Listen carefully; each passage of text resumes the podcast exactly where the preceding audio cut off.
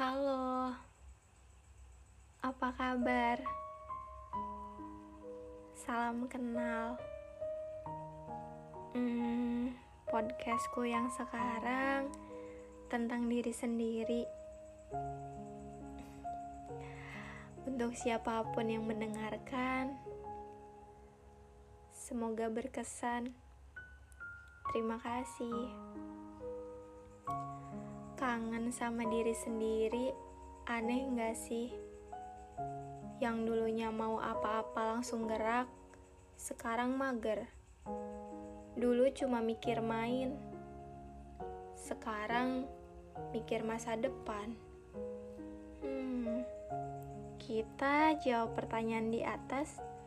Menurutku ya gak apa-apa, karena kayak gitu dan alasan-alasan kangennya wajar banget.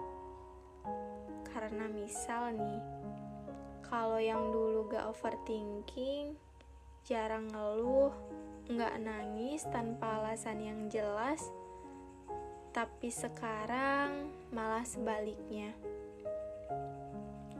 Sebenarnya kalau dipikir-pikir diri sendiri yang sekarang mencoba beradaptasi dengan keadaan yang baru. Jadi, semakin dewasa, hal-hal bisa berubah dengan sendirinya, dan itu harus kita terima.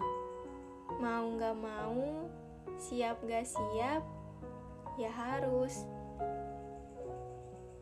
karena lagi-lagi semakin dewasa kita, akan semakin realistis, bukan dramatis. Jadi, kayak sekarang, kita bisa lebih jujur, bukan lemah.